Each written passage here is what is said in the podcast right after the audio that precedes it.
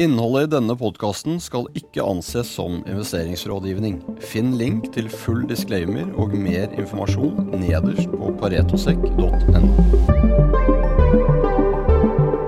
Hei og velkommen til en ny episode av Paretopodden. Det nærmer seg Paretos årlige Power and Renewables-konferanse. Den finner sted i Oslo 28.2, og i den forbindelse så har vi fått eh, Lars Ove og Bård inn i studio igjen. Velkommen.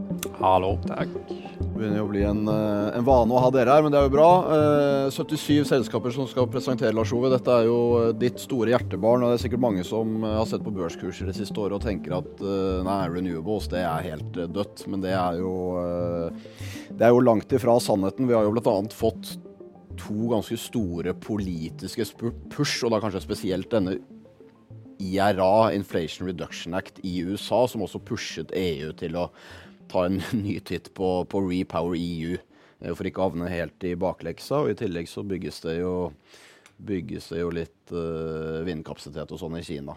Hva blir på en måte temaene på, på årets konferanse 28.2? Og før du svarer på det, så skal jeg jo eh, si at uh, den er jo åpen for alle Pareto sine kunder, selvfølgelig. Og har du ikke eh, meldt deg på ennå, så er det bare å ta kontakt med din uh, Pareto-kontakt, så fikser vi det. Jepp. Tema det blir jo Vi trenger mer av alt. Vi trenger, mer energi, vi trenger mer effekt, vi trenger mer nett, vi trenger hydrogen, vi trenger batteri. Så det er egentlig budskapet. Mer av alt. Eh, og eh, jeg syns vi har en fantastisk bra lineup av mange selskaper. Svært mange av de er børsnotert. Også denne gangen så har vi fått eh, mange store kanoner utenfor Norge, Norden, som på en måte stiller opp. Uh, Ibedrola, RVE, for å nevne noen. Eh, og det viser at Norge kommer på, på kartet i forhold til denne konferansen. her. Så, så dette ser vi fram til. Det er jo mye mye større enn uh, vi har hatt tidligere. Uh, nå har vi fire streams. tidligere har vi hatt to, så, så dette blir ellevilt. Bård, du sitter jo fortsatt og dekker en del fornybart. Hva vil du si er den Hva for deg er det som er den største forandringen det siste året? Eh, det er jo på en måte Det har jo vært en del ting som har gått mye ned. eh, og det har jo i stor grad vært disse cleantech-selskapene eh, som eh, har vært verdsatt på lovnader om ting frem i tid, hvor det har vært teknologisk risiko og, usikkerhet rundt timing på det. For der må jo der, der må man gjøre en skilnad. Altså, du har jo Cleantech, som du sa. Det er mye Nex, men der har du teknologirisiko. Det er mye uprøvd, og det ligger gjerne litt frem i tid. Og så har du jo den delen av fornybart hvor, hvor måte vi produserer fra i dag. Ja, eh, produserer f.eks.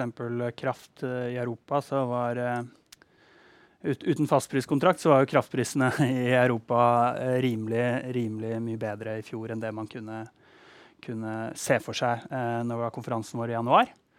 Så det er klart de har hatt en god inntjening, og så har det vært litt utfordringer med, med, med skatt eh, siste, siste halvåret igjen. Man ser også på sånn f.eks. Uh, turbinleverandører og sånn, så har de hatt en eh, opp- og nedreise, eh, men, er nå oppe, oppe på, på, på minst tilsvarende nivåer, selv om inntjeningen deres har vært elendig pga. det forbedringen i det fundamentale eh, markedet på litt lengre sikt, eh, som, eh, som investorer ser. da. For det er, jo, det er jo litt tingen med I forhold til sol og vind, om vi skal eh, om vi skal ta det, så er jo OPEX er jo ikke det som er problemet der. Det er jo CapExen det står og faller på. Og det vil jo si at kapitalkostnad også, også spiller en eh, viktig rolle her. Det spiller en ekstremt viktig rolle. Inputen din er gratis. Uh, så du, du, du, er Ja, som du sier, det, er, det handler om CapEx, ikke, ikke OPEX. Så økt kapitalkostnad slår. Uh, du har også hatt økt kostnader på spesielt vindturbiner, men også råmaterialer for, for solcellepaneler, selv om det slår litt mindre. Så totalt sett så estimerer vi at eh, det vi ofte kaller levelized cost of electricity, eller balanseprisen for ny kraft, har økt kanskje et sted, det vil jo være veldig avhengig, mellom 30 og 50 eh, på, på ny fornybar kraft. Men så har jo også verdien av det du selger, eh, har jo økt mye mer enn det.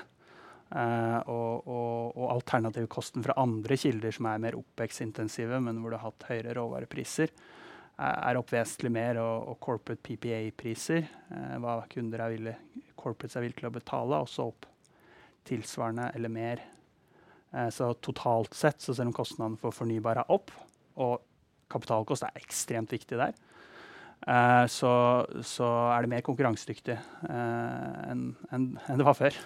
Lars Ove, fra din, eh, fra din, side av bordet, eh, så er det klart at du, du gjør jo både noterte og eh, unoterte ting og har drevet med kraft i, i lang, lang tid. Så du, for deg har det kanskje ikke altså Én ting er prisingen og alt det som er på børs. Det har selvfølgelig, selvfølgelig forandret seg. I tillegg så var det jo kanskje en liten periode hvor man Altså infrastrukturen rundt alt er jo ekstremt viktig. Så det var jo en liten periode hvor man kanskje skulle bygge veldig mye av den ene delen, og så glemte man på en måte at nei, for å, skal du få alle ut på elbiler, da må du ha ladestasjoner og alt det. Føler du at vi eh, Det er jo en rask modningsprosess her.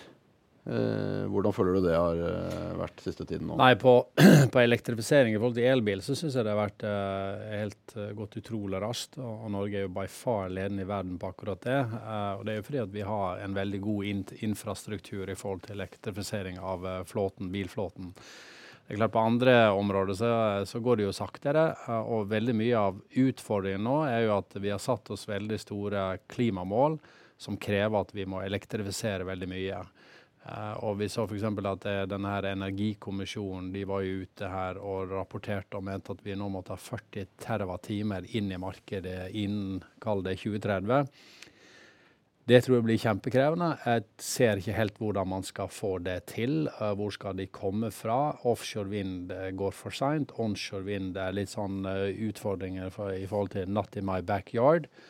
Så, så, problemet blir nå å få rask prosess i forhold til å få ny kraft inn i dette markedet. her, og Bård, du nevnte jo dette her med, med skatt. og liksom, det, det, gjør ikke bildet noe bedre at du liksom bare kaster inn 40 gr grunnrenteskatt på, på vind sånn, sånn, over natta. Eh, da er liksom ikke interessen fra de aktørene der uh, økt, iallfall. Og de kan jo alternativt investere i, i, i, nei, i Sverige og, og, Finland og Danmark. ikke sant? Så det er en utfordring. Og så er det jo lange investeringsprosesser. eller altså Du tar jo en investering i dag, men basert på et regnestykke som går 15-20 år frem. og da, da er jo stabilitet uh, veldig, veldig viktig. Stabilitet er ekstremt viktig. Kapitalkost er ekstremt viktig, gitt at dette er Capex. Så hvis risikopremien i Norge øker, uh, som man kan kanskje anta at den har gjort, så det slår en god del på kostnadene på ny kraft i Norge.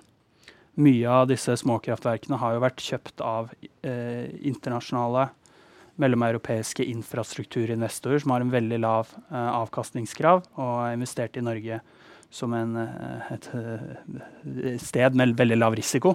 Eh, som, har, eh, som, har, ført til en f.eks. større utbygging av småkraft enn det man ville hatt, hatt uten dem. Samme er vel tilfellet også med, med vindparker. Vi gjorde en analyse av det siste der. Der så vi at 72 eh, av eh, vindparkene i Norge er eid av utenlandske investorer. og det som du sier, Veldig mange av de er pensjonsfond, så dette er jo pensjonister i Holland, i Tyskland, i Sveits som sitter og eier dette her. og det er klart det å få en sånn, kall det ekspropriasjon på 40% av inntjeningen i, i fanget, det er jo ikke noe hyggelig.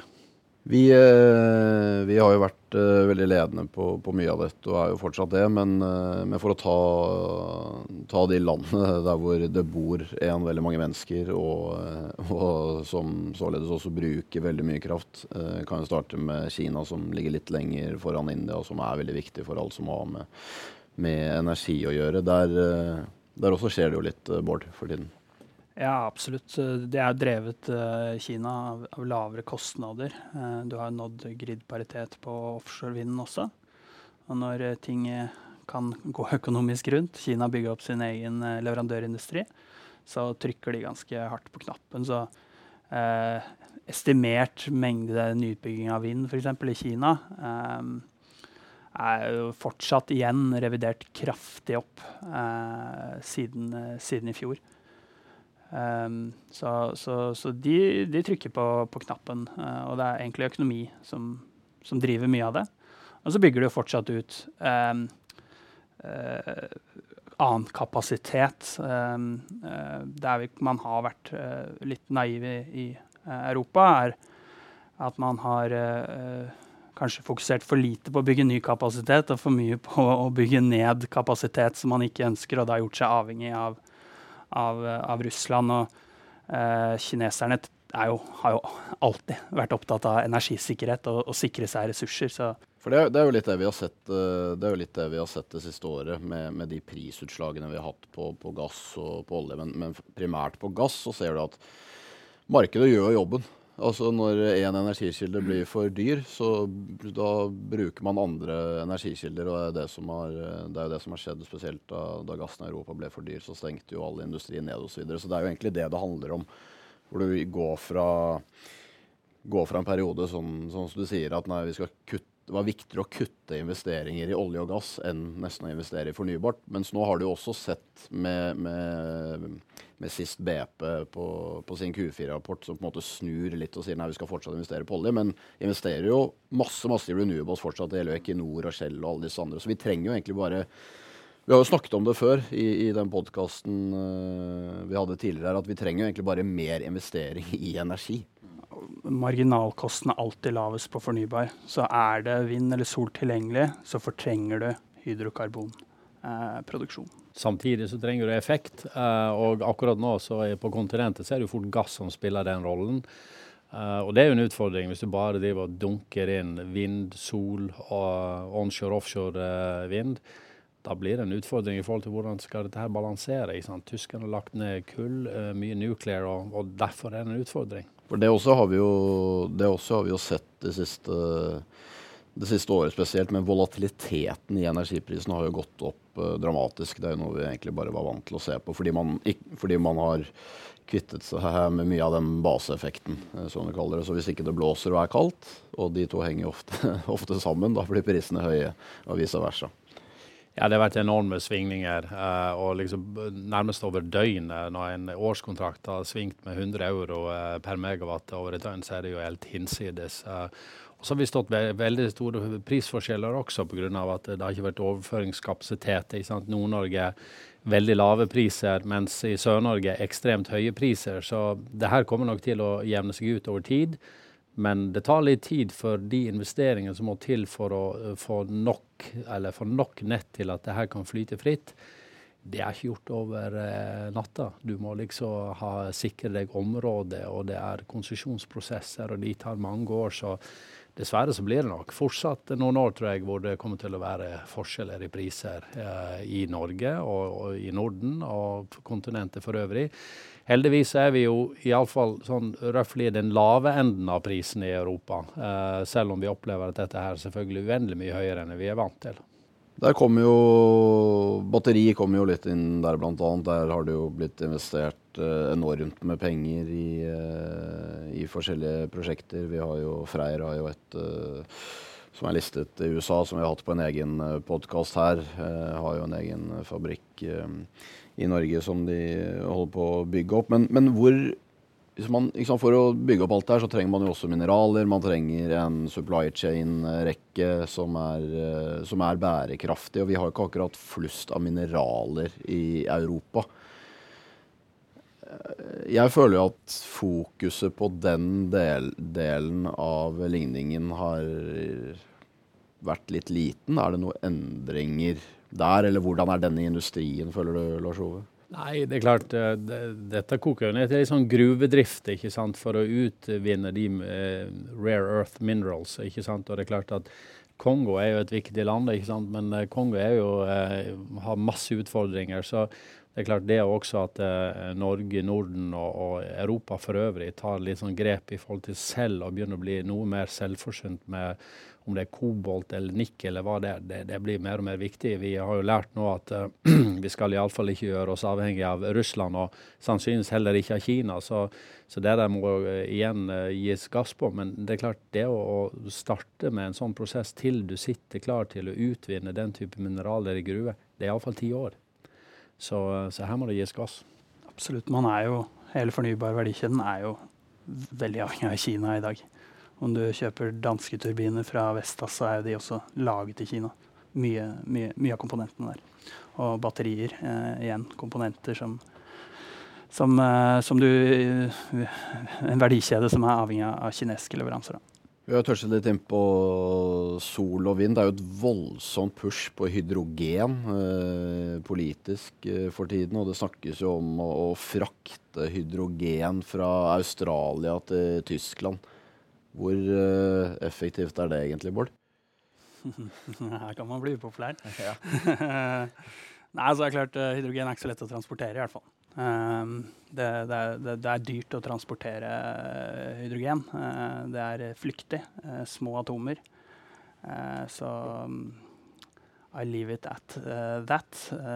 vi ser jo det, har litt annet bruksområde enn en batterier. Og det går jo litt på vekt og, sant, og hvor, du, hvor, du, skal bruke det, men her er vi jo fortsatt uh, tidlig i den eh, teknologiske uh, utviklingen. Uh, I hvert fall batteri, men det er klart sånn som effekten er nå, så blir det tunge skip hvis det Og så tror jeg det er som det, er nok mye som kommer til å skje rent sånn disruptivt teknologimessig de neste tiårene. Men Europa har jo da bestemt seg for å måtte, gå for hydrogen. Um, for, et, for, et, par år siden. Uh, og så får vi se, får vi se det, uh, hvor mange applikasjoner man egentlig vil, vil ende opp med å, å bruke hydrogen og, og ikke, ikke, andre ting. Um, for det er klart, elektrolyse uh, har jo vært um, mye det samme man har gjort. litt forbedringer. Og, og, det er jo et eksisterende marked i dag som er adresserbart, som er stort relativt til grønne hydrogenmarkedet. Eh, eh, og så får man se eh, altså Input-kosten er jo strøm. Så får man se hvor, hvor konkurransedyktig det blir til f.eks. Uh, kraftproduksjon eller balansering av nett og sånne ting uh, på sikt. Kjernekraft har jo vært uh, diskutert, kanskje mest i opinionen blant uh, folk som egentlig ikke har så mye peiling. men folk alle skal i hvert fall ha et forhold til det. Hva var ekspertenes dom uh, der? Nei, jeg ser jo, Det er jo morsomt med den debatten en kommer opp igjen. og Nå snakker man om små modulære anlegg som på en måte kan komme mye raskere inn. Men det er klart, ser vi hva som har skjedd i f.eks. på Hinkley Point i UK og Olkiluoto 3 i Finland, så er jo det ikke veldig sånn, eh, kall det oppmuntrende når man er ti år over tiden f.eks. i Finland, og uendelig mye dyrere enn man så for seg. så men jeg, jeg syns det er jo litt galt av denne her energikommisjonen som bruker vel seks-syv linjer på det, og avskriver det på direkten. Jeg syns kanskje det burde vi ikke gjøre. Jeg tror på en måte dette er noe vi bør utforske uh, på samme måte som alle andre teknologier i forhold til å få fram energi. Det fine med nuclear er at det er baseload. Uh, og det er ikke sånn som kommer på avhengig av vinden og sola. Så det er det, det, som er bra med det. Men det er klart det er en utfordring i forhold til hva gjør det med waste. Uh, og er den type skalerbar teknologi, modulær teknologi, moden? Uh, trolig ikke, men å avskrive det helt, det syns jeg er feil. Vi skal jo ha denne konferansen 28.2. Der skal jo du bl.a. Uh, si noen ord, Lars Ove. I tillegg så har vi jo noen spennende paneler. Fortell oss litt hva hva man har i vente for de som er så heldige å, å ha innpass der. Ja, eh, vi sa jo innledningsvis litt grann, Vi har vel dobbelt så mange selskaper som vi hadde sist gang vi hadde dette fysisk. Eh, så fire streams. og vi dekker jo de fleste områdene. alt fra, Og vi har faktisk også Pareto analytiker som drar gjennom uh, viktige temaer, uh, hvor da selskaper kommer etterpå som, som er innenfor det spacet. og det offshore vind, batteri, CCS, hydrogen, waste energy recycling. Og vi har også et, uh, et innlegg på gass. Så kan man kanskje si at hva har gass å gjøre på en fornybarkonferanse? Og det er jeg for så vidt enig i at noen stiller spørsmålet, men nå setter gassen elprisene.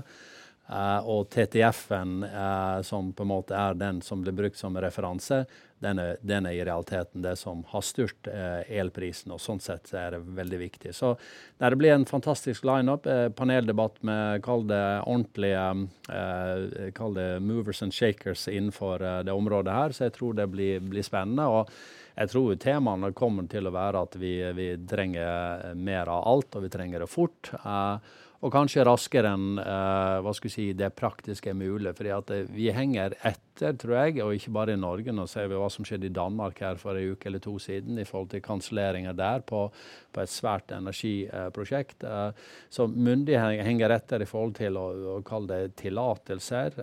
det er for få folk i alle mulige departementer, i NVE og regulator og alt. Så, så jeg tror liksom her blir det en, en, et stort trøkk i forhold til at nå må vi levere, levere på de målene vi har satt, både på elektrifisering og de målene vi har satt på, på klima. Der dro vi jo til ned i Egypt og, og, sa at nå skal vi øke ambisjonene våre med 5% så nå er det 55 eh, kutt innen 2030.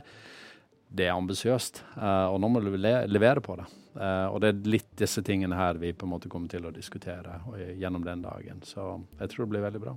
Det er bra å høre. Det er jeg helt sikker på at uh, det blir. Som sagt, hvis uh, du er Pareto-kunde og har lyst til å stille på Power and Renewables, så er det bare å ta kontakt med, med kontakten din i Pareto, og så ordner vi det. Det blir et uh, fantastisk eh, program og et bra arrangement, som det jo alltid har vært. Og det er som sagt blitt veldig veldig mye større de uh, siste årene. Du finner selvfølgelig all analyse Pareto har av de forskjellige selskapene som kommer på konferansen på online.paretosek.com. Da takker jeg for besøket, Lars Ove og Bård. Så høres vi igjen sikkert etter konferansen med en liten summary. Vi minner om at denne podkasten ikke inneholder investerings- eller annen type rådgivning. Handel i verdipapirer medfører til enhver tid risiko, og historisk avkastning er ingen garanti for fremtidig avkastning. Pareto Securities er verken rettslig eller økonomisk ansvarlig for direkte eller indirekte tap, eller andre kostnader som måtte påløpe ved bruk av informasjon omtalt i denne podkasten. Finn link til full disclaimer og mer informasjon nederst på paretosek.no.